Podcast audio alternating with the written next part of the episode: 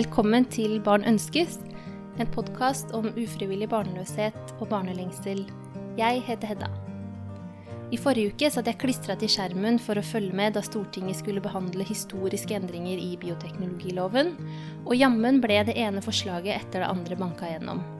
Jeg er veldig glad for at endringene som ble vedtatt, vil gjøre det mulig for enda flere ufrivillig barnløse å få behandling og hjelp i Norge, bl.a. ved at eggdonasjon nå vil bli tillatt. Når jeg leser og hører om hvordan folk har opplevd det å skulle ta et valg om å benytte donerte egg eller sædceller, slår det meg ofte at det er et valg som kan føre med seg mange tanker, følelser og spørsmål. Ei som kan spesielt mye om nettopp dette, er dagens gjest Tone Bråten.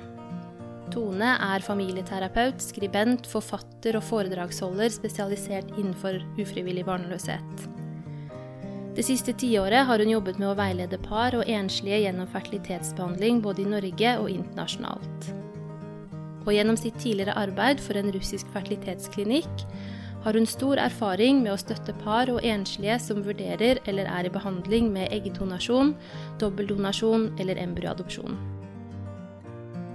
I denne episoden deler Tone derfor av sine erfaringer med hvordan pasienter kan oppleve dette med donasjon. Vi snakker bl.a. om at det kan kreve en modningsprosess å bli klar for donasjon, om åpenhet og om spørsmålet mange av de kommende foreldrene lurer på, nemlig når og hvordan man snakker med barnet om hvordan det har blitt til. Tone utøver sitt yrke gjennom sitt eget firma Fertilitetshjelpen, hvor hun tar imot klienter fra ulike klinikker og på ulike stadier i prøve- og behandlingsforløpet. Hun har også startet et samarbeid med Klinikk Hausken, som tilbyr alle deres pasienter en samtale med henne som en del av deres behandlingsopplegg. Dere finner Tone på fertilitetshjelpen.no og som Fertilitetshjelpen på Instagram og Facebook. Hun har også opprettet Facebook-gruppen Energiløft for fertilitetspasienter, som er en lukka gruppe for alle som er i fertilitetsbehandling. Jeg hører som alltid gjerne fra dere med ris, ros, innspill eller spørsmål til podden. Dere kan nå meg på Instagram og Facebook under Barn ønskes, og på e-post på barnonskes.gmail.com. Jeg blir også veldig glad når dere deler podkasten i deres kanaler, eller tipser en venn, eller legger igjen en rating der dere lytter til podder. Det hjelper nemlig flere med å finne frem til den.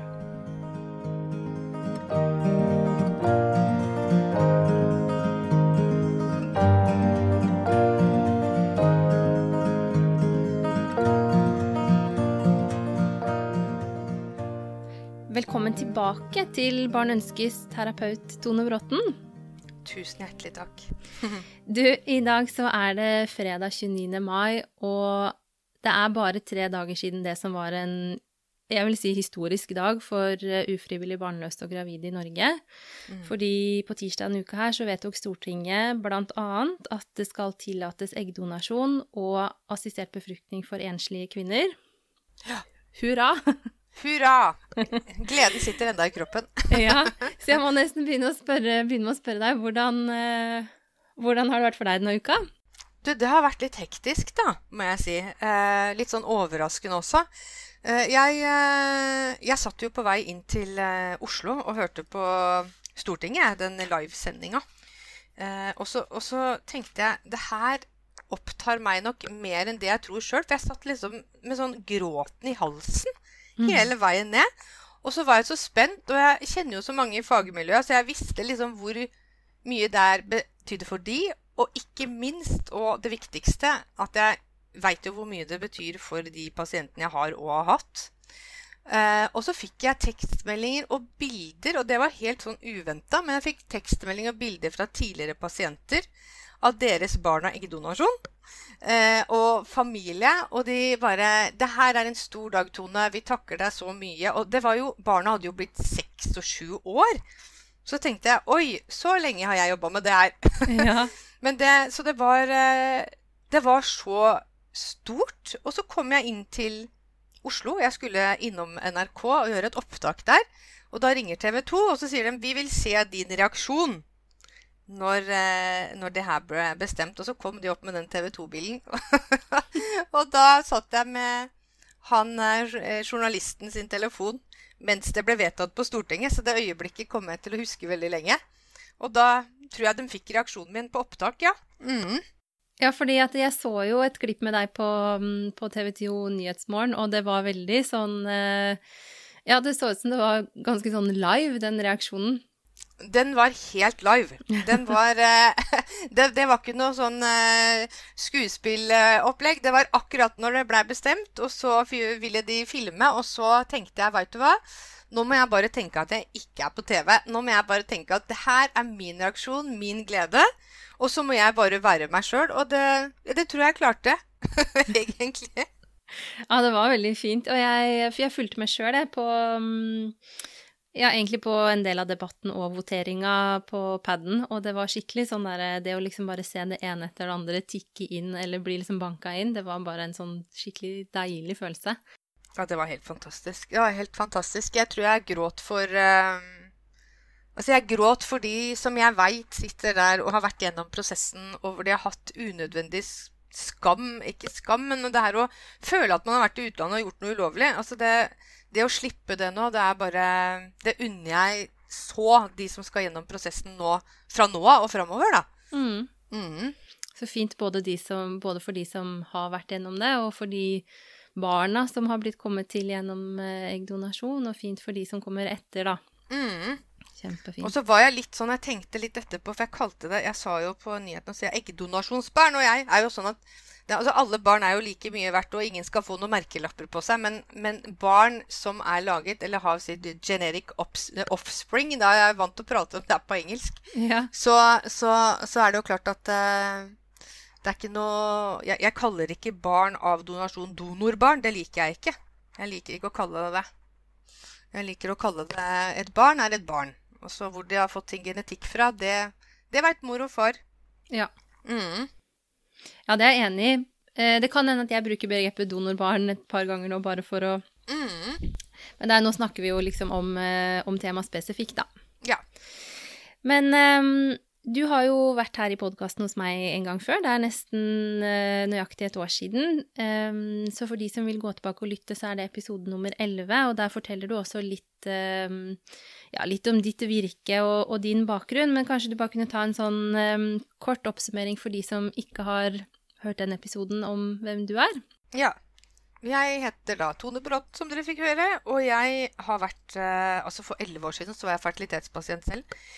Um, og måtte bruke IVF da for å få tvillinger. Vi brukte vel ja, jeg vet ikke hvor lang tid vi brukte, nesten to år. Um, og så tenkte jeg her, eh, her, trenger man noen å prate med. Og så var jeg jo videreutdanna familieterapeut. Hadde jobba i bl.a. barnevernstjenesten og godkjent adoptivforeldre kommunalt, faktisk. Uh, så jeg var litt sånn jeg hadde, Interessen min lå så veldig der. Uh, og så tenkte jeg at det her, det her vil jeg jobbe med. Det her, det her brenner jeg for. Uh, og da jobba jeg først faktisk i tre år for eh, en annen klinikk i Norge, Medicus. Og så jobba jeg litt for meg sjøl. Og så jeg, har jeg jobba tre år for en internasjonal klinikk i Russland. Altså, som heter Olga Fertility i dag. Eh, og der har jeg Altså i tre år så satt jeg jo da og hadde eh, pasienter fra hele verden. Tre dager i uka. Seks-sju par om dagen. Det var altfor mye, egentlig, men det var veldig, veldig gøy. Eh, og jeg kan jo si at 80% av de jeg snakka med de tre åra, skulle ta enten eh, eggdonasjon eller dobbeldonasjon eller embryodonasjon. Uh, og det som kom fram veldig tydelig veldig tidlig, det var jo at alle de her para var veldig interessert i uh, hvordan skal vi formidle det her til barnet.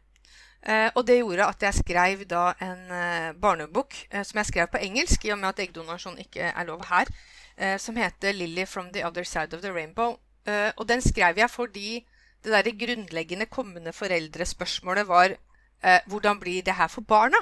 Mm. Eh, det blei så viktig spørsmål, da. Ehm, så for ja, nesten tre år siden nå, eller to, så, så slutta jeg eh, å jobbe for, eh, for, Russland og hadde en liten pause pga. sykdom. Eh, og så har jeg begynt å jobbe med det her igjen for fullt. Og eh, samarbeider nå bl.a. Eh, med Klinikk Hausken og får pasienter henvist både fra offentlige og private fertilitetsklinikker og har godt forhold til alle sammen, egentlig. Det er veldig, veldig godt miljø å være i. Mm. Mm. Så det er liksom eh, Det er liksom eh, min, eh, min historie. Jeg veit ikke hvor mange tusen som jeg har veileda, men det, det, begynner å bli mange. Mm. Det gjør det. Og jeg syns det er kjempegøy å gi verktøy og hjelpe de her para emosjonelt under prosessen. Det er jo det jeg kan mye om, da. Altså hva er det denne prosessen krever emosjonelt? Og så er det liksom alle de her faktorene som bestemmer om man skal videre i prosessen eller ikke. Det er kjempespennende. Kjempespennende. Mm. Ja, det kan jeg tenke meg. Kjenner jeg blir ivrig på å prate om det. ja. Så mm, det er ingen tvil om at du har veldig mye erfaring med nettopp hva som skjer inni, inni oss når, eh, når, man står overfor det valget om um, å bruke donor. Mm. Eh, og så, jeg tenkte vi kunne si, jeg er sikker på at mange av lytterne eh, nå etter tirsdag kan ha mange spørsmål rundt det praktiske om hvordan dette blir i Norge og sånn. Jeg har allerede fått noen meldinger. Men eh, jeg har lest vedtaket, og det er jo noen, det liksom noen overordna rammer som på en måte ligger inni der, men eh, sånn som jeg oppfatter det, så er det fortsatt mye detaljer som skal, som skal på plass. På plass. Ja. Mm. Så jeg mm. tenker at i dag så konsentrerer vi oss um, litt om den erfaringen du har med litt sånn den emosjonelle og tankemessige siden rundt å, og, ja, å ta valget, og også hvordan det er etter at man har tatt valget. Og så um, og så regner jeg med at uh, det kommer mer sånn praktisk informasjon fra myndighetene og ja, med og flere etter hvert. Ja. Mm. Men um, jeg hadde litt lyst til å begynne med um, det spørsmålet om forskjellen på sæddonasjon og eggdonasjon.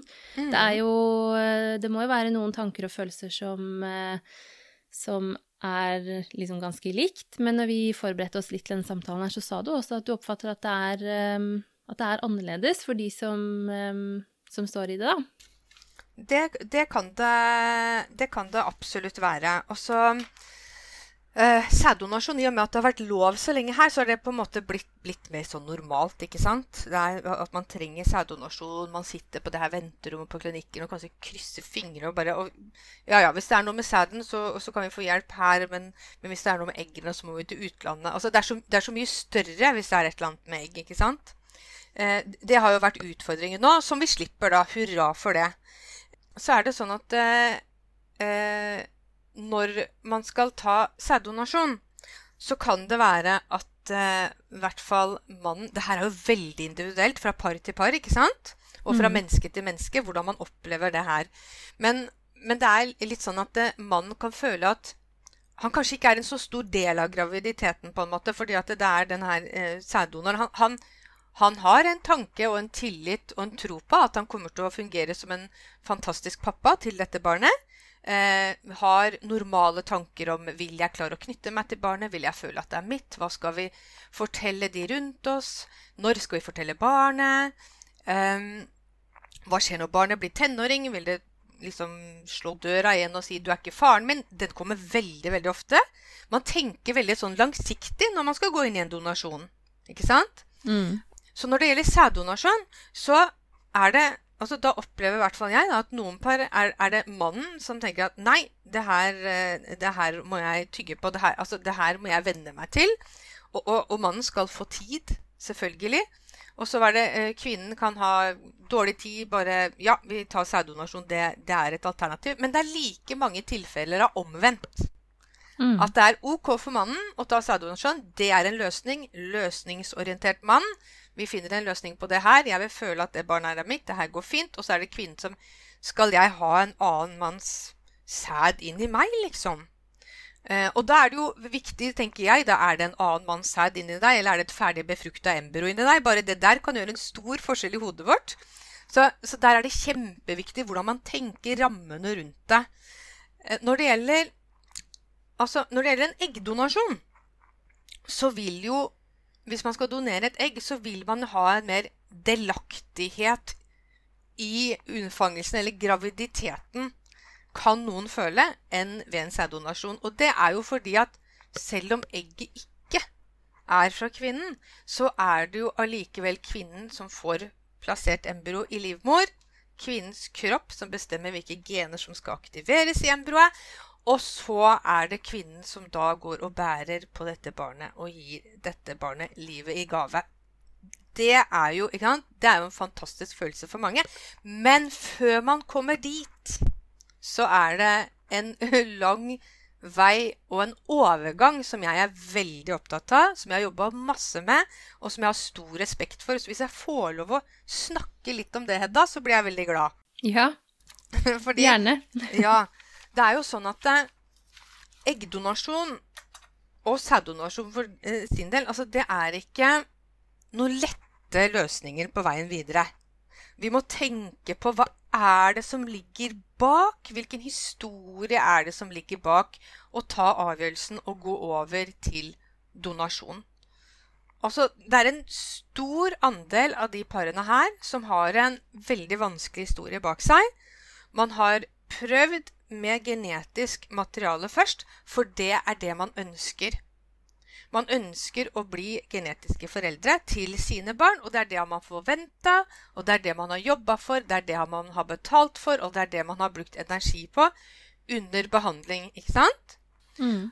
Ja, Så du, opp, du opplever at, at, det er viktig for, eh, for, folk, det med den genetiske tilknytningen? Absolutt. Mm. Og det er jo det som gjør at man fortsetter og fortsetter og fortsetter. Så lenge den genetiske døra står åpen, så er det så vanskelig å avslutte. Og man veit ikke når man skal avslutte, for kanskje legen sier vi kan ikke si at det ikke går. ikke sant? Eh, og så tenker man ett forsøk til. Ett forsøk til. Og veldig mange spør jo, ikke sant, men når er det jeg skal slutte med mine egne egg. Eh, og da, Jeg pleier å si at det vil du kjenne. Det veit du. Når du må slutte, så må du slutte. Men det aller beste det er om det blir et samarbeid mellom legen og paret. Mm. Eller kvinnen, ikke sant? Fordi det å bære på det ansvaret aleine og avslutte med eget genetisk materiale, det er et veldig stort ansvar å gå og bære på det kan være veldig vanskelig, for da kan man tenke ja, men uff, hva, hva om det hadde gått hvis jeg hadde hatt ett forsøk til? ikke sant? Mm. Så, så, den derre overgangen der, den, den, er veldig vanskelig. Og da er det, sånn som jeg ser det, da er det liksom fire faktorer som er kjempeviktig å se på.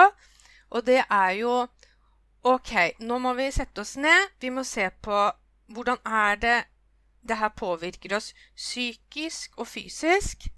Hvilken situasjon står vi, om, står vi, i nå?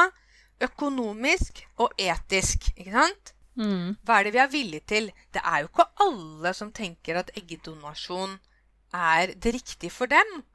Ikke sant? Som har en etisk grense. Vi prøver med eget genetisk materiale, og så avslutter vi hvis det ikke går. Og det skal man ha veldig respekt for. Man skal aldri overtale noen som er totalt imot å ta donasjon, til å ta donasjon. Men så er det jo også de som er eh, på en måte helt imot donasjon, men får lokka den genetiske døra. Dere har dessverre ikke en mulighet. Som da åpner opp lite grann, ikke sant? Mm. Og når det er så stor forskjell da, i hvordan folk fungerer, så er det jo også veldig vanskelig for legene og for andre å presentere eggdonasjon. Når skal man presentere eggdonasjon? Og det skal man være veldig forsiktig med, og derfor så skal man på en måte ha en, en god relasjon til pasienten, tenker jeg. Eh, og, og, og, og, trå litt varsomt. For, for, noen kan eggdonasjon være eh, virkelig et nederlag, selv om det er en mulighet. Og for andre så kan det bare oppleves som en mulighet fordi at man tenker at nå orker vi ikke mer, nå må vi øke suksessraten til det høyeste vi kan vi går for eggdonasjon. Mm. Så her er det, det er veldig mange hensyn å ta. Og det er jo også i forhold til eh, bl.a. religion, hvor eggdonasjon eh, f.eks. For, for muslimer, som, hvor det ikke i Koranen er tillatt med eggdonasjon. Mange møtt som ønsker, men eh, pga. religion at de ikke vil gjøre det. Eh, og så har har jeg møtt også eh, religiøse, altså kristne, som, som, som, ha, som, føler at de må ha en slags eh, Hva skal jeg si? Ja? Eh, godkjennelse eller anerkjennelse for valget sitt. Også fra sine nærmeste, eller de i sitt nettverk, som er veldig viktig. For det er, det er viktig å normalisere det er viktig å bli anerkjent, og det er viktig å bli akseptert for det, det valget man har gjort. Og, og det kan også, man trenger ikke være religion, men det kan også være at man trenger anerkjennelse av nærmeste familie, eller man, man, man vil ikke ha følelsen at man gjør noe galt. Fordi i noens hoder så er det jo sånn at eggdonor gir bort et barn. Ja. Men, men sånn er det jo ikke. For eggdonor gir bort en eggcelle. Og det er viktig. Det blir ikke barn ut av en enkel eggcelle, for det er jo ikke mulig. Nei. Ikke sant? For egg, eggdonor gir ikke bort et barn. Det er ikke sånn. Men andre kan tenke sånn at Ja, ja, du, du, har fått uh, Han har fått barn med en annen dame. Kan noen tenke, faktisk. Ikke sant? Du har, blitt, gravid med en annen dame enn meg. Det kan gjøre vondt. Mm. Men har du, sett, uh, har du sett de tankene her i større grad uh, når det er snakk om bruk av eggdonasjon enn sæddonasjon?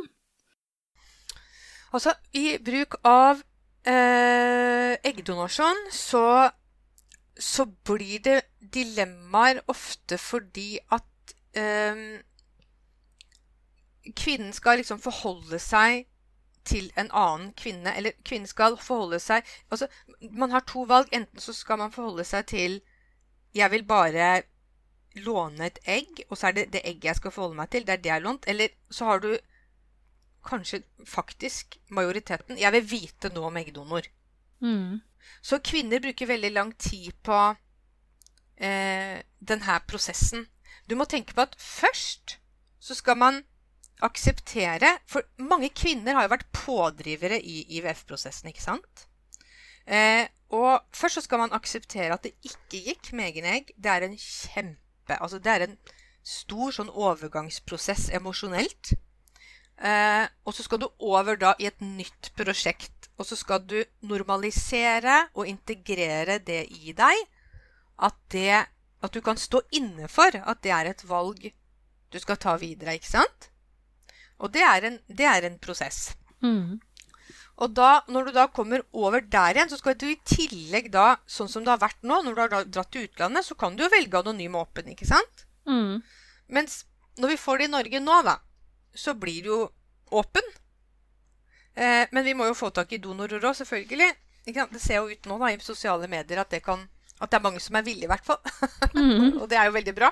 Mm. Men eh, så, ja, ja, jeg tenker at um, at det er uh, Hvis det var det du spurte meg om, nå snakka jeg meg litt bort, men i forhold til majoriteten av Hva sa du for noe, Hedda? Nei, jeg lurte Det jeg tenker på, er om, um, om, om på en måte den tankeprosessen og den omstillingsprosessen her er mer krevende når det er snakk om unnskyld, eggdonasjon enn sæddonasjon. Jeg veit ikke helt det. Nei. Jeg tror ikke det er så stor uh, forskjell, egentlig. Fordi for, noen opplever jo at det er sånn som jeg sa i stad, at det er en større delaktighet i graviditetsprosessen ved en eggdonasjon. Ja. Fordi at kvinnen kan få lov å bære frem sitt eget barn. Ja. Og så er det kanskje litt eh, eh, de tankene som man, hvis man har vært norsk frem til nå, da, og, og blitt liksom presentert for det valget om eggdonasjon, så, så blir det en stor greie for, også fordi at eh, det er ikke Det har ikke vært tilgjengelig i Norge. Det har liksom ikke vært kulturelt akseptert helt her. Mm. Ja, jeg, jeg må jo si, selv om vi ikke har benyttet oss av um, donasjon, så må jeg si at jeg påvirkes jo av den debatten som har gått nå i for, forkant av det stortingsvedtaket. Det er jo uh, Det snakkes liksom om menneskeverd og moral og etikk og barns menneskerettigheter, og man kan virkelig føle på at, uh, at uh, det er en del som mener at det er veldig problematisk, da. Mm. Og så tenker jeg litt på det du sa om at det er viktig at um, at eh, det valget tas i samarbeid med lege. Og så lurer jeg også litt på om, om det kanskje også kan være sånn at, um, at når det er snakk om um, behov for eggdonasjon, at kanskje det budskapet fra legen ikke nødvendigvis er så tydelig, eller at, at det også er vanskelig for legen å liksom Det det. sette to streker under det svaret 'nå er det eggdonasjon', men at, men at kanskje for sæddonasjon så er det litt sånn Man undersøker jo på en måte spermiene på et tidlig tidspunkt, ofte i en sånn fertilitetsprosess. Og hvis de Ja, enten hvis det er sånn at man um, ikke har god spermkvalitet, eller at man er f.eks. to kvinner som skal ha barn sammen, så, så, så kan jeg tenke meg at det kanskje At man liksom blir presentert med det uh, tidligere, og kanskje i en del tilfeller også tydeligere.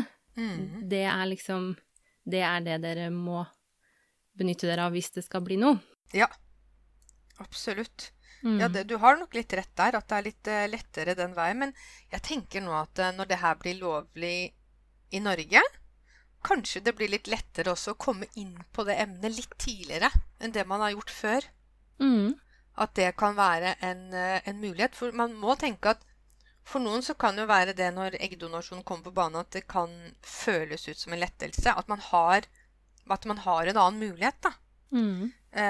til å bli gravid. Og så men for andre så er det den største skuffelsen. Og det som er veldig viktig, og som jeg prater med mange pasienter om, det er at eh, man kan ikke forvente at man våkner en morgen og tenker at jippi, vi skal ta eggdonasjon, og så er 100 av deg helt sikker. Fordi du må faktisk sette av en 20-30-40% til sorgen over Eller alt slitet man har vært igjennom. Sorgen over ikke få genetiske barn. Altså, det er å akseptere de følelsene som kommer, uten å tenke at å nei, for at jeg skal gjennomgå en donasjon, da, da må jeg jo virkelig være 100 inne for det. Og da, det må jeg jo gjøre for barnets del. Mm. Men, men det er like viktig å få bearbeida følelseslivet sitt. Det er ikke skadelig for det kommende barnet. Det er heller det motsatte. At man får bearbeida sitt eget følelsesliv og gi plass til det. Og jeg har snakka med kvinner som omtrent skal føde. altså der Har hatt sånn SOS-samtaler med kvinner som er rett før fødsel. 'Å nei, jeg tenker på denne, og jeg tenker på denne.' Og bare roa de helt ned. Og tanker og følelser, det er ikke skadelig for barnet ditt. Jeg er helt sikker på at du tar vare Gir kjærlighet og omsorg og, øh, og mat til dette barnet. Det, det kommer. Men, men dine tanker og følelser må få plass.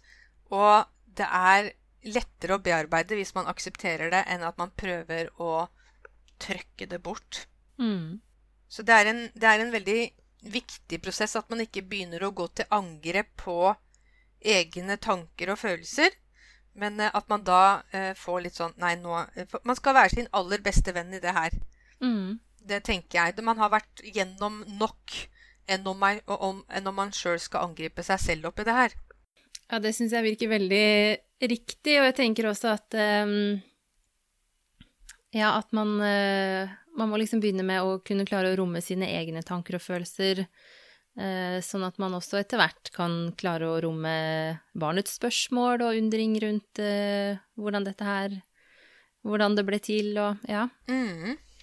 Ja, absolutt. Det er jo ofte sånn at par ønsker tidlig å vite hvordan man skal formidle til barnet. Mm.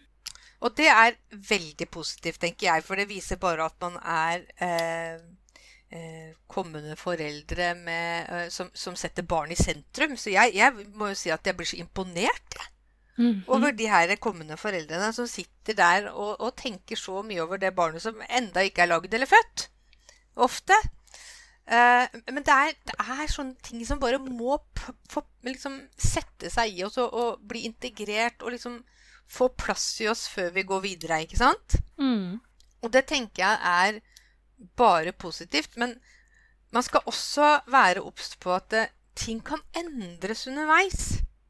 Man sitter og skal ta en avgjørelse uten at barn er født, uten å vite barnets personlighetssensitivitet, uten å eh, vite hvordan vårt eget følelsesliv forandrer seg etter fødsel og man bare har blitt mamma. Altså Man sitter og skal ta den avgjørelsen veldig tidlig. Mhm. Men for noen så er det avgjørende fordi det er noen baller som må lande. Altså vi må trekke de ned. Helst sammen. Jeg, jeg jobber jo veldig samarbeidsorientert med pasientene mine. Det, det er ikke jeg som sitter med fasiten. Og det, det lærte jeg når jeg jobba internasjonalt med det her. Fordi jeg kom liksom fra Norge. Det er åpenhet, bioteknologiloven, det skal være åpenhet, FNs barnekonvensjon. Alt var sånn veldig satt, ikke sant? Mm. Og så plutselig så skyper du med liksom par fra hele verden som er fantastiske mennesker, alle sammen. Eh, og så, så, så merka jeg at ja, ok, det er veldig mye åpenhet her i liksom, Nord-Europa, eller sånn Europa, men hvis du skypa med et par fra India, fra Sør-Amerika eller fra Dubai, altså fra litt sånne steder som ikke vi prater med i forhold til etikk, i forhold til det her, så var det jo helt Altså, det å være åpen om det her, det var helt uhørt. Oi, ja, det, det, det, har ikke jeg tenkt på, men det gir jo mening når du sier det. Ja, ja, ja. For eksempel hvis du tar eh, noen indiske kvinner da, som drar til utlandet for å ta eh, en donasjon og for å velge kjønn fordi de ikke har fått gutter, og det er veldig viktig, og de kan ikke bare ha jenter, så de som har mest penger, kan gjøre det. Mm. Det også var jo noe som helt kom Hun lærte mye av det. Men, men det, sånn åpen Det var den største familiehemmeligheten. altså Det, var, det å være åpen om det, det var helt Det kunne ikke jeg ta opp engang i timen. Det var, det var mer det her å bare prate om det emosjonelle rundt og eh, donere et egg. Og, og hvem var jeg?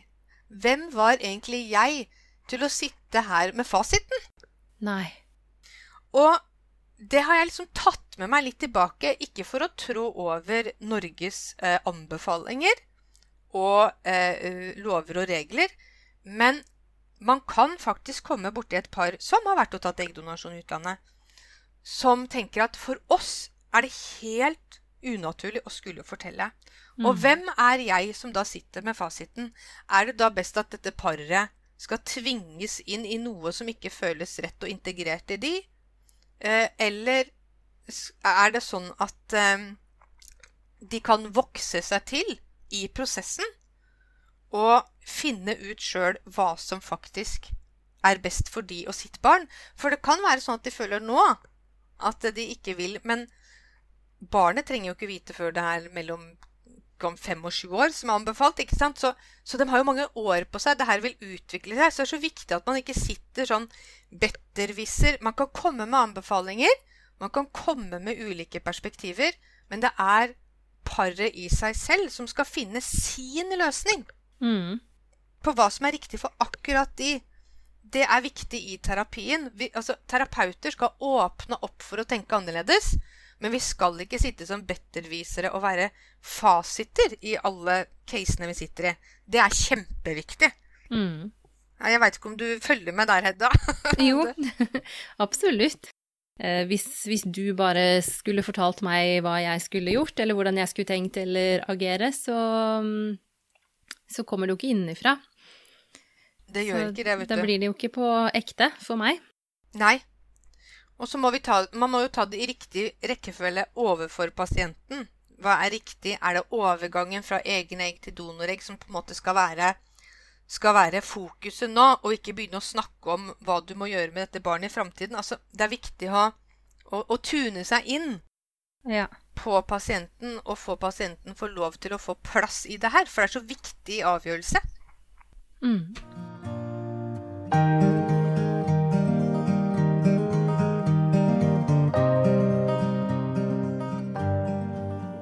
Mye av den debatten som har gått nå i forkant av, um, av den endringen av bioteknologiloven, det har jo handla om nettopp dette med at barnet ikke får muligheten til å kjenne sitt genetiske opphav mm. i oppveksten. Um, hva tenker du om det, da, som har så mye erfaring med dette? Du, tusen takk for at du spør meg det, for nå får jeg bruke det ordet jeg liker å bruke mest av alt. og det er, kjære Edda, jeg elsker å si det der, og det er at det, vi er så Tore på sporet jernvaska. Det, det, det, er det jeg kaller det. Jeg kaller det Tore på sporet jernvaska. Og det er at vi sitter i sofakroken og gråter over de som finner igjen foreldrene sine. Ikke sant? Det er det vi gjør. Jeg òg har gjort det. Jeg har sett på, på Tore på sporet, og unga mine har sett på Tore på sporet. Og sammen så har vi grått våre tårer når vi ser de her eh, sammenkomstene etter mye leiting og mye slit. Eh, og all respekt for det, men det vi må tenke på, det er at de barna her, de er adoptert bort. Mm. De har hatt en predental tilknytning til eh, mor i magen. De har hatt en første tilknytning i livet til et annet menneske. Mm. Og så har det vært et relasjonsbrudd. Og så kan vi sammenligne det med donasjon. Og jeg mener at det er to vidt forskjellige ting. Her er det altså For det første så er det Når man tenker på genetikk, så er det jo Tenker man eggdonasjon, da, så er det i hvert fall eh, sæden til far som er involvert. Altså genetisk eh, knyttet til, til far. Den er også knyttet til mor ved påvirkning av embryo og ved å bære på dette embryoet og eh, skape dette barnet. Og blir født og får den prenatale tilknytningen og første tilknytning eh, ved fødsel til mor, ikke sant? Mm. Så er det ofte sånn på disse to på spor at de liksom føler at de har mangla noe osv. For man har hatt en tidligere tilknytning, ikke sant? Man har ikke hatt noen tidligere tilknytning ved donasjon. Det er det man ikke har hatt. Man har fått eh, genetikk fra en celle. Det har man hatt, da. Og det er ikke sånn at det er en annen mor. Det her er i mitt hode. Jeg er ikke fasiten, men det her er en Ikke en forestilling, jeg vil ikke kalle det en forestilling heller, men det er en tenkemåte som, som jeg har utvikla over nå ni år Mm. med å ha jobba med det her, fordi jeg, jeg ser hva vi kan eh, blande sammen av eh, å blande sammen adopsjon og donasjon. Mm. Og det som er jo så fantastisk altså Det er jo sant sånn som de sier i debatten, at det er jo lite forskning. ikke sant? Og sånn, men, men du ser jo nå når de her første barna donasjon stikker frem Man har jo sett disse videoene av barn som forteller, som er takknemlige overfor donor, ikke sant? Og så viser det seg at mange av disse barna ikke har behovet for å vite. Nei. De har ikke behov for å vite. Jeg har et fantastisk videoklipp av mine barn når de var syv år. Da jobba jeg veldig mye med donasjon. Og så spurte jeg de Det er to kvinner. Og den ene, ene dama må gi bort egget sitt til den andre dama som ikke klarer å bli gravid. Og så går hun eh, med stor mage og føder et barn. Hvem er mammaen da? Da var de syv år. Mhm. Og så ser de på meg sånn dumt, det ser du på den videoen. Vi var på, vi var på ferie i Dominikansk republikk, av alle ting. Satt jeg på hotellrommet og tenkte jeg, nå skal jeg spørre de, for jeg satt og skrev en artikkel. Eh, og så sier du ja, men mamma, det, det er jo hun som går gravid. Så de ser liksom sånn litt sånn dumt på meg. Og så sier jeg hva Hvis, hvis dere hadde vært barn, og, og, og jeg hadde lånt et egg, da, hva, ville dere visst om hun som hadde gitt bort egget? spurte jeg de. Og så sier de Nei, så sier jeg hva, hva ville vært viktig å vite? sa jeg. Og så sier de Jeg ville bare jeg, jeg, jeg ville bare visst at hun var snill.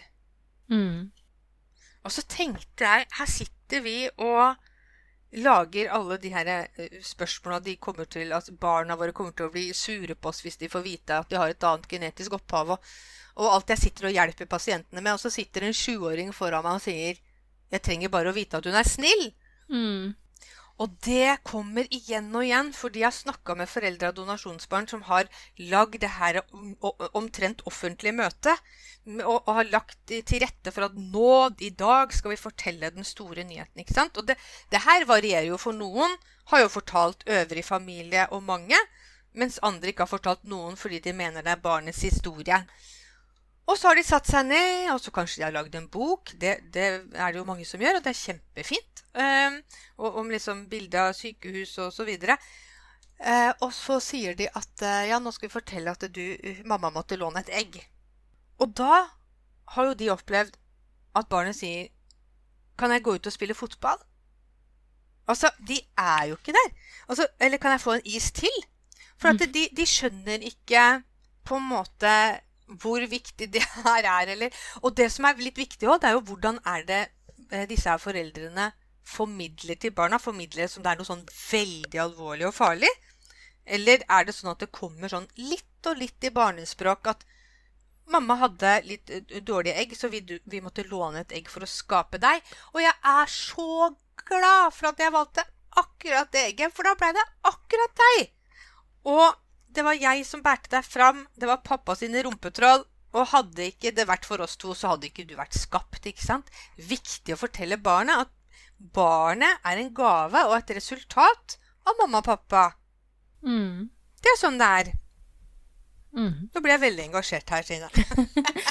Men jeg tenker um, Jeg følger deg veldig i det du sier, og jeg er veldig grunnleggende enig i sånn som du tenker, egentlig. Men eh, jeg har jo lest noen intervjuer med kanskje unge voksne eller tenåringer som um, som har blitt til ved hjelp av donasjon, og som også sier at men jeg har hatt noen Uh, jeg har liksom lurt, og jeg har tenkt på det, jeg har grubla over det, og mm. um, Ja, for eksempel at man i biologien på skolen fikk uh, vite at det må være sånn og sånn for å få den øyenfargen, og så tenker man men hæ, det stemmer jo ikke helt hos meg, eller Jeg leste eksempel om en dette var i vinter, så jeg, jeg, husker, jeg har ikke klart å finne det igjen, men det var en, en ung dame som, som, hadde blitt til ved sæddonasjon i Norge da, og da hadde foreldrene hadde blitt råda til av fertilitetsklinikken om å ikke fortelle oh. i oppveksten. Og så hadde jeg liksom kanskje grub, liksom lurt litt eller tenkt litt på hvorfor, det, hvorfor noen ting var som det var, og så i tillegg da når jeg var tenåring, så hadde Eh, så hadde faren faktisk i en krangel med tenåringsdattera si, som han noen ganger kan ha, liksom Det hadde ploppa ut. Og hun hadde et godt forhold til faren sin og øh, hadde hatt det hele oppveksten og også nå som voksen, men, men, klart det blir traumatisk for en tenåring. Du står liksom midt i hormonstormen, og så får du en sånn bombe rett i fleisen. Det er helt forferdelig. Og du har helt rett, Hedda. Jeg har også vært borti i saker hvor det har øh, hvor det faktisk har vært eh, Jeg, jeg tror det var sæddonasjon. Og så var det en veldig vanskelig skilsmisse. Og, og med samvær etter, eh, etter, skilsmissen. Og da hadde det kommet fram. Så det, det er jo klart at det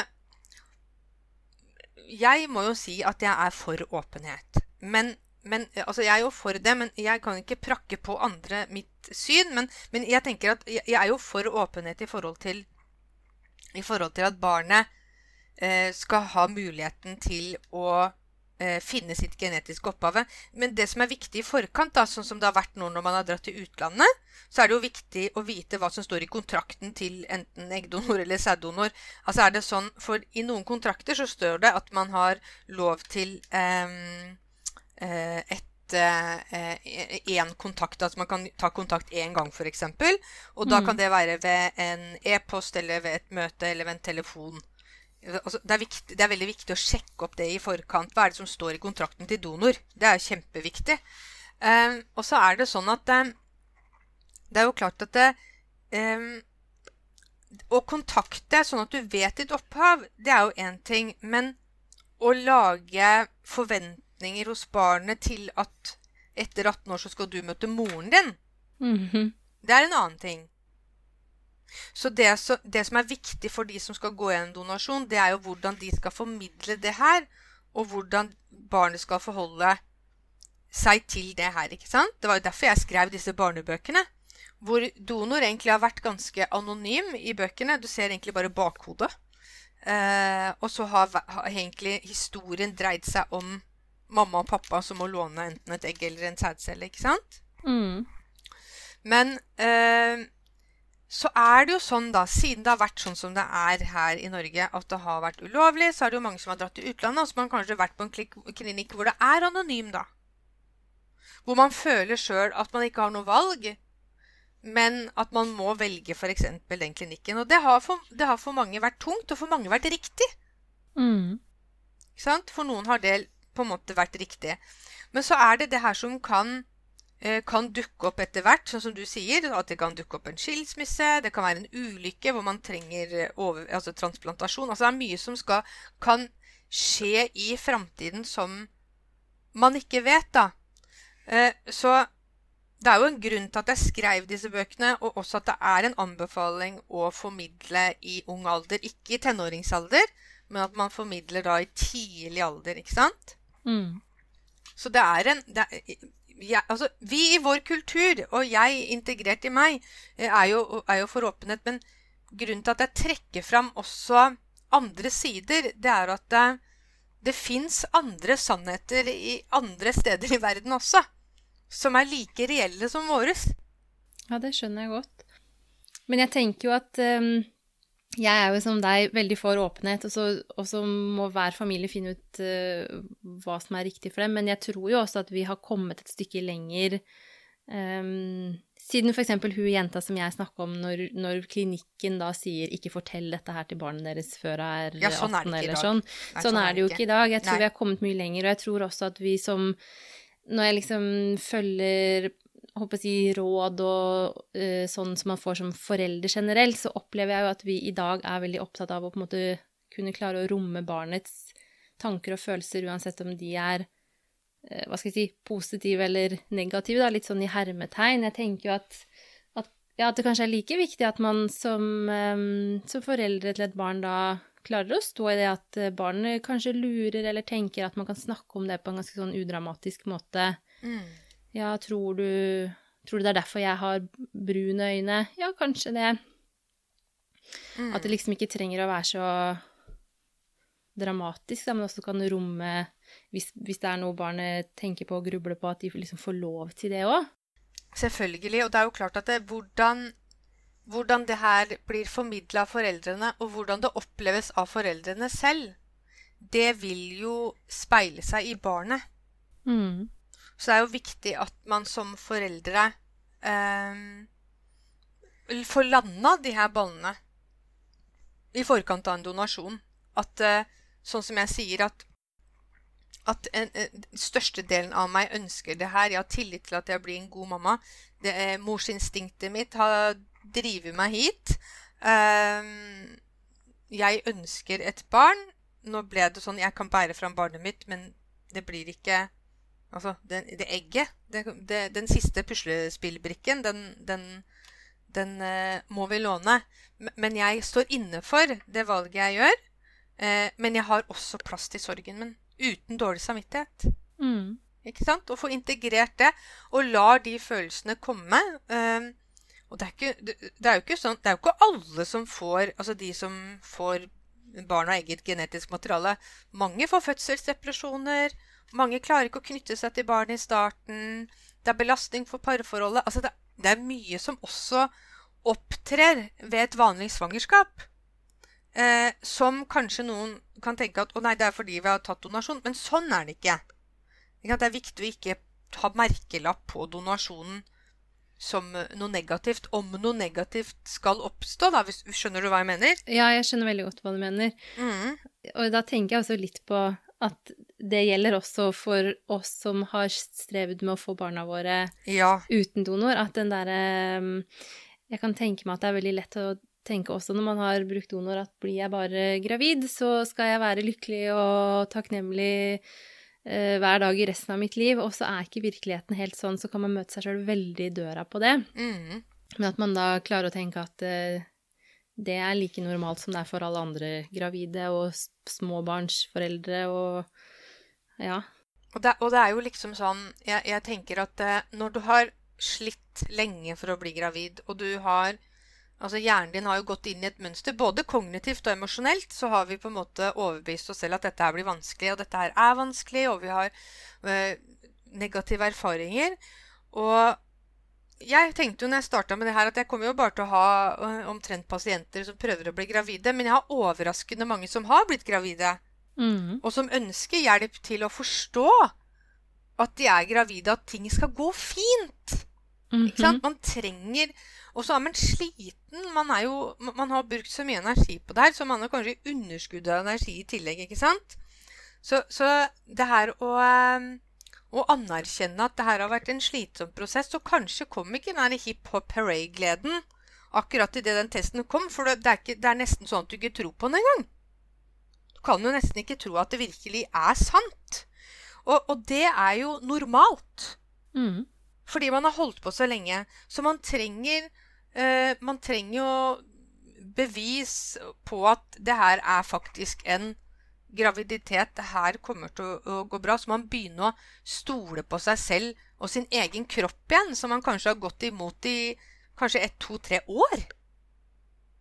Så det, her, det er en helt, helt normal prosess, og det er mye bedre hvis vi lærer oss å akseptere det som kommer, og det som er, istedenfor å gå til angrep på oss selv og tenke 'nå skulle jeg vært glad', 'nå skulle jeg følt glede', nå har vi jo endelig klart det. Hvorfor klarer ikke jeg å være glad når alle de rundt meg er glad?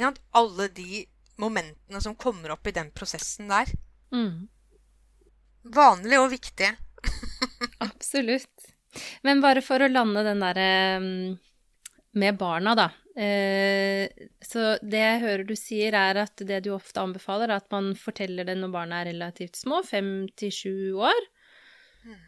Eh, og ikke som et stort familiemøte, men liksom fortelle litt og litt. Og så bare si en gang til hva bøkene dine heter. Ja, det er altså den eh, boka mi som er norsk, den heter 'Ole er laget av et magisk rumpetroll'.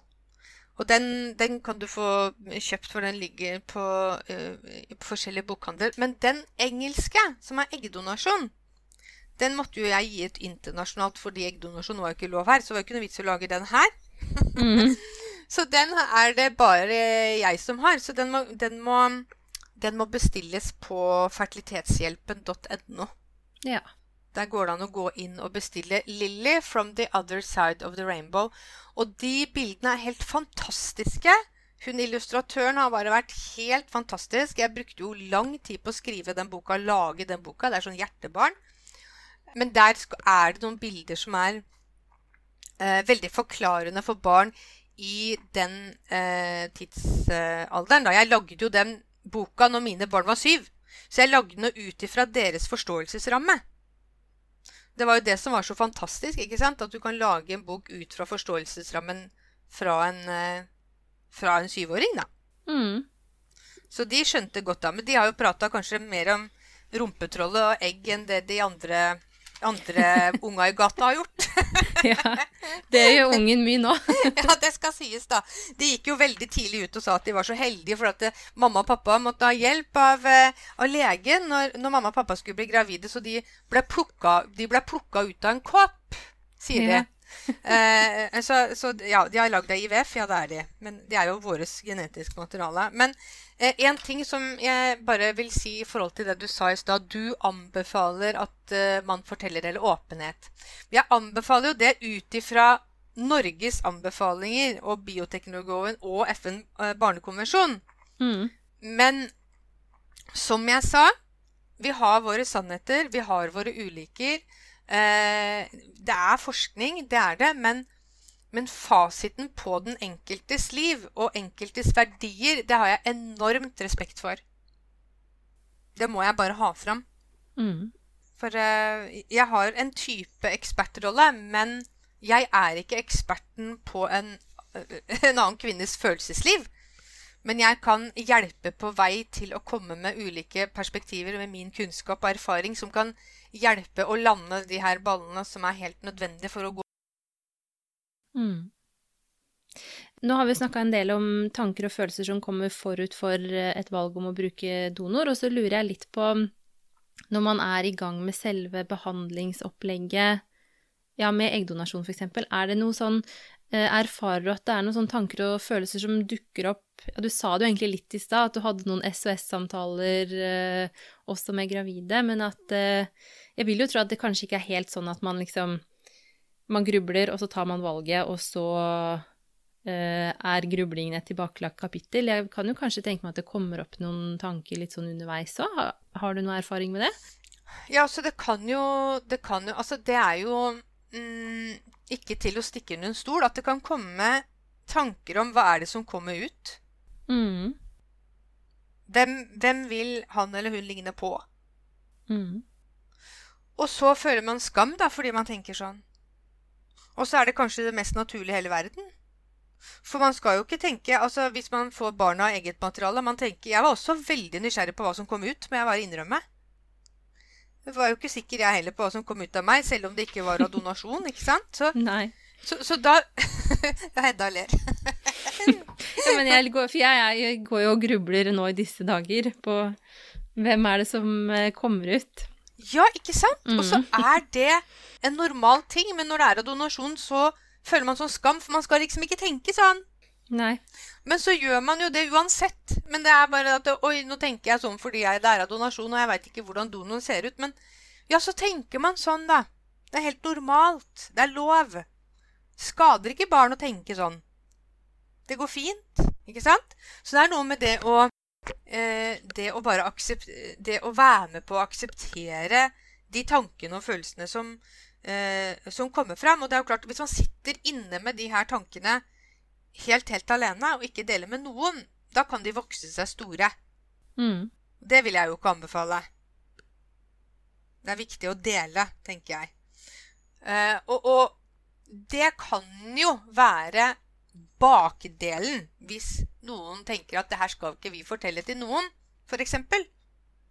Og så føler man seg sånn veldig ensom i de tankene. Jeg tenker at det er veldig viktig om du da tar med en profesjonell, eller om du tar det med venner eller partneren, eller at, men at du i hvert fall deler og ikke begynner å angripe deg selv. For det er eh, Da snakker vi energy, eh, energy draining. Altså da snakker vi Det er kjempeenergikrevende. Mm. Det er det jeg tenker. Men kanskje litt mer akkurat den her Hva er det Hva er det som kommer til å komme ut av meg? Den kan komme. Men som du sier, Hedda, du lurer jo på det samme selv. Ja. Men jeg, jeg har liksom også hørt om folk som øh, Jeg husker ikke hvor og, og detaljene, men, men at man øh, ved bruk av donor akkurat liksom i det derre litt sånn øh, At man skal få litt sånn kalde føtter, nesten sånn når du plutselig står Mhm. på innsettdagen, for eksempel. At det er litt sånn Å, nei, nå skjer det, på en måte. Ja. Det, det kan det være. Det, det, det, det, det, det, det har du helt rett i. At det kan være sånn eh, altså Det er jo sånne skrekkhistorier. Man kommer på sykehuset, så kommer liksom lege med sånne reagensrør med en annen manns sæd, liksom. Det er jo ikke akkurat det kanskje paret ønsker å se. Eh, det, det går an å være litt diskré, i hvert fall. Eh, da, da snakker jeg om inseminering, da, men man skal det. Men jeg tenker sånn at er det et embryo, så er det jo ikke bare en annen manns sæd som kommer inn. Altså det er et ferdig befrukta embryo her. Så, så, så det kan komme mange tanker, og det er jo ikke bare hos kvinnen, det er, også, det er jo også um, mannen. Jeg kunne jo snakka en time til bare om sæddonasjon. Så- jeg tenker budskapet det går, det, jeg Timen går fort her, men jeg tenker budskapet må kanskje være at uh, man skal ikke bli overraska om uh, Altså, man skal kanskje ikke forvente at man liksom uh, er gjennom en tankeprosess, og så er man ferdig med den, og så er liksom alt helt enkelt og greit. At det kan fortsatt dukke opp noen sånne tanker og følelser også senere. Absolutt. Det er så viktig å ikke dømme seg selv. Det er eh, Man skal ikke dømme seg selv, man skal normalisere. Og man skal tenke at, veit du hva? Oppi alt det her så er det bare kjærlighet til et barn og morsinstinktet som har bana seg fram til den avgjørelsen. Det er noe kjempepositivt i bånn, og man kan skape eksistensen til et barn som vil være takknemlig over det liv man får med foreldre som elsker det over alt på jord og har kjempa for å få det. Mm. Det er i hvert fall grunnholdninga mi. Ja, Det er det. enig. Det er Det er derfor jeg blir blir så rørt, vet du. ja. Det er, en, det er et spørsmål til som jeg har lyst til å stille, som jeg har tenkt litt på, og det er dette med at nå som, um, nå som eggdonasjon eh, skal bli tillatt i Norge, og da også tilbudt gjennom offentlige klinikker, for nå er det jo eh, sånn at de klientene du har, de er jo allerede i et privat Altså som skal bruke eggdonasjon, det er jo i et privat løp. Jeg har også Men- offentlig, ja. Mm. Ja, Um, men det jeg tenker litt på Jeg har inntrykk av at, at man ved spermdonasjon i dag ikke får så veldig mye veiledning på tankene og følelsene rundt det nødvendigvis og i et offentlig riktig. løp. Mm. Så jeg lurer på om du har noe sånn Uh, Hvis vi skal komme med noen ønsker, hva er det vi liksom syns at man bør tilby av litt sånn veiledning og tankestøtte til eh, par eh, som nå skal begynne å kanskje få den behandlingen her offentlig i Norge? Altså, det som er at det, eh, i utlandet altså, blant, Jeg jobber jo altså, jeg, eh, I Finland, i Ferten, det er en finsk klinikk, der er det jo sånn at alle må ha altså Finland må alle ha en time med psykolog før de får lov å gå i gang med eggdonasjon. Mm. Eh, sånn er det også på andre klinikker i utlandet. Jeg, jeg er jo veldig for det, for jeg ser hvor mye det har å si for de para jeg har sittet med. Og Da skriver jeg en rapport, og så sender jeg den til legen. Og så får de lov å gå i gang med behandling når det er eh, unnagjort. da. Og det kunne jeg jo selvfølgelig ønske at, eh, at alle fikk. Nå, nå er jeg jo så heldig, jeg må bare si det, nå jo, jeg samarbeider jo tett med den Klinikk Hausken, som du vet. Der får jo alle en samtale liksom inn i behandlinga som er veldig viktig. Og det tenker jeg, jeg tenker, det har vært, jeg har vært pådriver for det hele veien. At det her trengs det i hvert fall et alternativ. Mens når det gjelder eggdonasjon, så tenker jeg at det egentlig burde være et must. Mm. for å på en måte gå gjennom de her etiske spørsmåla. For det er, det er IVF er én ting. Men skal man gå over til eggdonasjon, så er det noe annet. Det krever noe annet av oss. Det krever det krever mer enn medisinsk kunnskap om det. Det krever også kunnskap i forhold til håndtering av de eh, følelser og tanker som kommer, som er kjempeviktig. Og kanskje tanker og følelser man ikke tør å si høyt engang. Mm. For det kan jo ofte komme. Ikke? Man tør ikke å si det høyt. Eh, og da er det viktig å treffe en, en trygg terapeut med erfaring om donasjon. Fordi jeg har jo snakka med pasienter som eh, har gått til psykolog eller har gått til familieterapi, men så har det ikke vært noe kunnskap om emnene. Eh, sånn at de føler at de, de føler seg ikke forstått. Og, og, i verste fall så kan det hende at de, de kjenner på en, en, etisk uenighet i grunnstemningen i rommet, hvis du skjønner hva jeg mener. Ja. Altså De snakker om hva de skal, men de skjønner at ok, eh, de, de, det ser ut som de forstår, men jeg tror ikke de er helt for det jeg skal gjøre. så så, så, så det, det, er viktig Det var kjempeviktig poeng du tok fram eh, der, Hedda. For det, jeg er helt uh, enig med deg at uh, det, er, det, er, noe vi bør ønske oss, og det er jo det her å få muligheten til å snakke med en, en terapeut idet man skal over fra å bruke egenegg til egg av donasjon. Og da finne svaret og integrere i den enkelte hva som er riktig for de, men ha da i, i baksekken eh, Norges rovler eh, og regler og anbefalinger. Mm.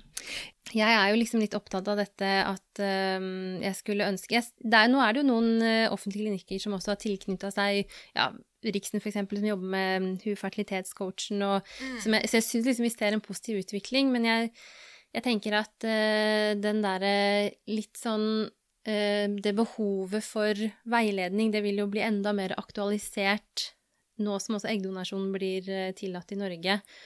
Og det skal ikke være sånn at du Jeg tenker at når du får offentlig helsehjelp i Norge, så skal det ikke være sånn at du må betale privat for å, for å få håndtert tankene dine rundt det.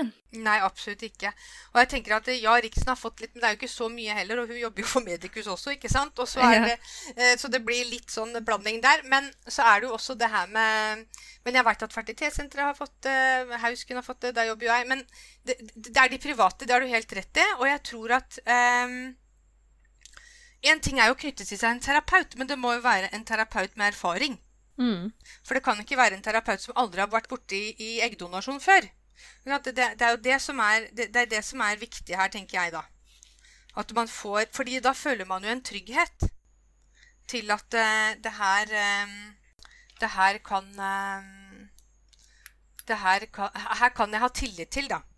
Men som sagt så skal, man, skal jo ikke de her terapeutene heller ha den herre eh, helt ekspertrollen, men man, man, må ha erfaring med hva er det som dukker opp i prosessen når man går fra egen egg til eggdonasjon. For det er nok en mye mer massiv prosess enn det man har sett tidligere. Kommer vi tilbake til ditt første spørsmål i forhold til sæddonasjon, faktisk. Mm. Mm. Ja, og så tenker jeg også Nå har det jo Nå har vi jo på en måte sett eh, mange stemmer som snakker veldig mye om barnets rettigheter i forbindelse med donasjon. Da tenker jeg da kunne jo det vært veldig fint hvis foreldre også da fikk litt eh, råd og veiledning om hvordan de ja. skal forholde seg til det Absolutt. i oppveksten òg. At man liksom ikke bare sier ok, vi tillater donasjon, og så sender vi dere ut, så får dere google dere til eh, Tone Bråten sine bøker. ja, og jeg føler jo, nå har jo jeg Det er jo veldig mange, både offentlige og private, som har bøkene mine, heldigvis, da. Ja. Så, som sånn utlån, eller at de kan vippse uh, der. Og jeg ser jo at det er et ønske hos både private og og offentlige. For jeg, jeg får i hvert fall henvisninger fra både privat og offentlig. Både fra St. Olav og Riksen og fra Haukeland. Så det er, det, er et, det er, et, ønske der om at det skal være en terapeut der. I hvert fall i forhold til den pågangen jeg får. da. Mm. Men da kan vi jo um, avslutte med å ønske oss det fra de som bevilger uh, ja. helsekronene. Vær så snill, bevilg noen penger, sånn at um, at det kan bli tilgjengelig for alle. Ja, absolutt. Absolutt. Tusen takk. Er det, noe, er det, noe, du har lyst til å si sånn avslutningsvis? Nå ser jeg vi har bikka en time her. Ja, vet du jeg vil bare si eh, Sitter du der hjemme og skal over til eh, eh noe form for donasjon, eller du, du, har det vanskelig i IVF-prosessen, så Vit at jeg er her for deg, med hjerte og hode og, og alt. Da er det bare å ta kontakt med meg eller finne meg på fertilitetshjelpen.no eller alfakrøllfertilitetshjelpen. Mm. Og så har du starta en Facebook-gruppe. Jeg har starta en Facebook-gruppe, og det er så gøy! det er helt fantastisk. Det var så morsomt. Det var bare en tanke at jeg ville ha nærhet til eh, pasientene. Og den heter eh, Energiløft for eh, fertilitetspasienter. Og der starter jeg med gruppeveiledning til høsten. Og, og det er håndplukking, altså, for at jeg setter sammen uh, grupper hvor man passer sammen og er på akkurat samme nivå. Og jeg gleder meg så fælt. Jeg, jeg, det, nei, vet du hva, nå kjenner jeg begynner å smile, for det er kjempegøy. Meld dere inn i Energiløft uh, for fertilitetspasienter. Der legger jeg inn mantraer og dikt, og så skal jeg gå online og holde noen inspirasjonsforedrag. Sånn, det er kjempegøy. Ja, Og det er en lukka gruppe, og det å være medlem i Facebook-gruppa, det er gratis. Helt gratis. Betaler ikke et snev, for det er fordi jeg syns det er så morsomt. ja. Og så hvis man vil, hvis man liksom da vil, så kan man uh, gå videre. Absolutt. Med samtale med deg, skal, ja. Den gruppa skal være gratis, og den er lukka så ingen kan se at du er medlem. Og det er tre spørsmål du må svare på for å komme inn. Eh, og det er fordi at jeg må holde av til fertilitetspasienter, så de skal være trygge nok til å dele, og at det ikke skal sitte andre der inne. Ja, Og den er også Man trenger ikke å være klient hos deg for å melde seg inn der. Nei, overhodet ikke. Men det er mange der som ikke har snakka med meg før. Så det er bare å og, og, mann og kvinne. Det er noen menn som har kommet inn da. Da blir jeg veldig glad. Ja, det er veldig fint. Ja. Nei, der skal jeg legge inspirasjon og støtte helt gratis, Hedda. veldig bra. Da syns jeg folk skal gå og melde seg inn der. Ja, kjempefint. Tusen takk. Tusen takk, Tone, for at du kom tilbake hit i podkasten min for å snakke om det viktige temaet her. Mm. Og dagsaktuelle. ja, det, er, har vært, eh, det har vært veldig aktuelt. Så det var bare så flott at vi fikk det til. Veldig, veldig bra. Tusen takk. Takk.